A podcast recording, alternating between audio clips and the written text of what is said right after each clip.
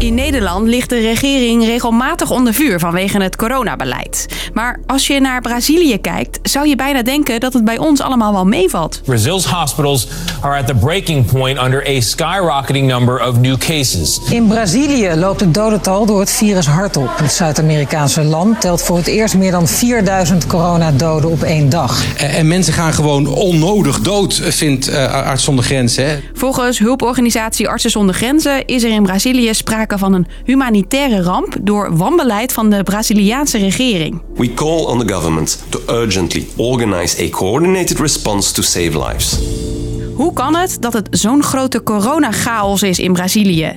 En waarom is de situatie daar ook verontrustend voor de rest van de wereld? Ik ben Hilde en ik leg het je uit. Lang verhaal kort.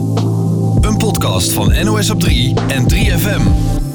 De Wereldgezondheidsorganisatie maakt zich grote zorgen over het toenemend aantal besmettingen in Brazilië. Op 6 maart stierf zijn moeder, Maria Lourdes, aan de gevolgen van COVID. So it's, it's getting very serious. Vier dagen later overleed ook zijn vader. Patients are dying at the doors of the intensive care units, already overflowing with the critically ill. Laat me eerst even de situatie schetsen.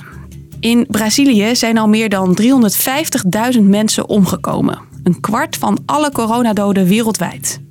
Het dagelijkse dodental schommelt rond de 3000 en veel IC's in grote steden liggen vol. Je hoort een kleindochter over haar overleden opa.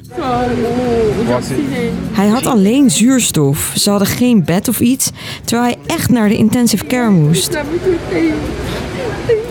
Voor de opa was er tenminste nog zuurstof, maar ook daarvan zijn tekorten. Hetzelfde geldt voor verdovingsmiddelen. Patiënten worden soms aan hun bed vastgebonden, zodat verplegers zonder verdoving een beademingsbuis in kunnen brengen om patiënten te beademen. En het zijn echt niet alleen oude mensen die er slecht aan toe zijn. More and more young adults are coming to the ICU for treatment. Hoe kan het dat Brazilië er zo slecht aan toe is? Alle vingers van critici in binnen- en buitenland wijzen dezelfde kant op, in de richting van president Bolsonaro. Hij neemt het coronavirus niet echt serieus, zegt mijn collega, correspondent Mark Bessems. Hij noemt het virus vanaf het begin af aan een griepje. Vindt alle media-aandacht ook zwaar overdreven. We moeten niet zo huilen, heeft hij een keertje gezegd. En omdat Bolsonaro er zo over denkt, denken veel Brazilianen ook nog te luchtig over corona, zegt deze politicoloog. The president likes to say the pandemic is like the rain. Some people will get wet, and there's nothing we can do about it. And as a consequence, I think a lot of Brazilians are still underestimating the real risk. Toch zijn er in Brazilië ook bestuurders, gouverneurs en burgemeesters die strengere maatregelen willen. Alleen zij liggen regelmatig overhoop met Bolsonaro, die daar niks van wil weten. Hier haalt Bolsonaro naar ze uit. Je kan erop rekenen dat het leger onze vrijheid en democratie beschermt. Burgemeesters en gouverneurs kondigen maatregelen aan en brengen ons naar de afgrond. Eerder stapten hoge militairen op. Mijn collega Mark Bessems nog een keer. Al die doden, die chaos, dat straalt natuurlijk ook op hen af. Het leger probeert zich, denk ik, eh, een beetje te distancieren van Bolsonaro. Dat is in ieder geval één van de redenen achter het vertrek van die hoge militairen. Artsen zonder grenzen zegt nu: Bolsonaro, get your shit together. Brazilian authorities must put science back into their COVID 19 response to prevent avoidable deaths and the destruction of the health system. Een president die corona dus niet serieus neemt, met een paar honderdduizend doden als gevolg.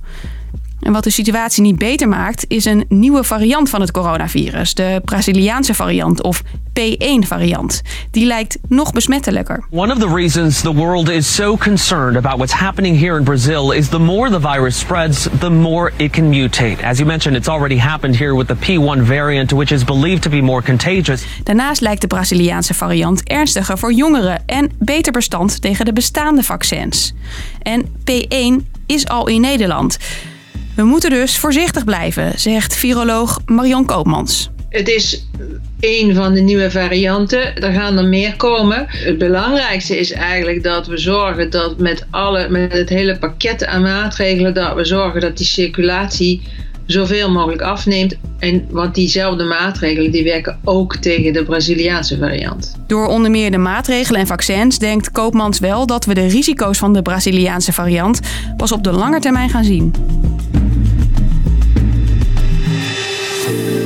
Dus, lang verhaal kort. In Brazilië is een humanitaire ramp aan de gang door wanbeleid van de Braziliaanse regering. En dan met name dat van president Bolsonaro.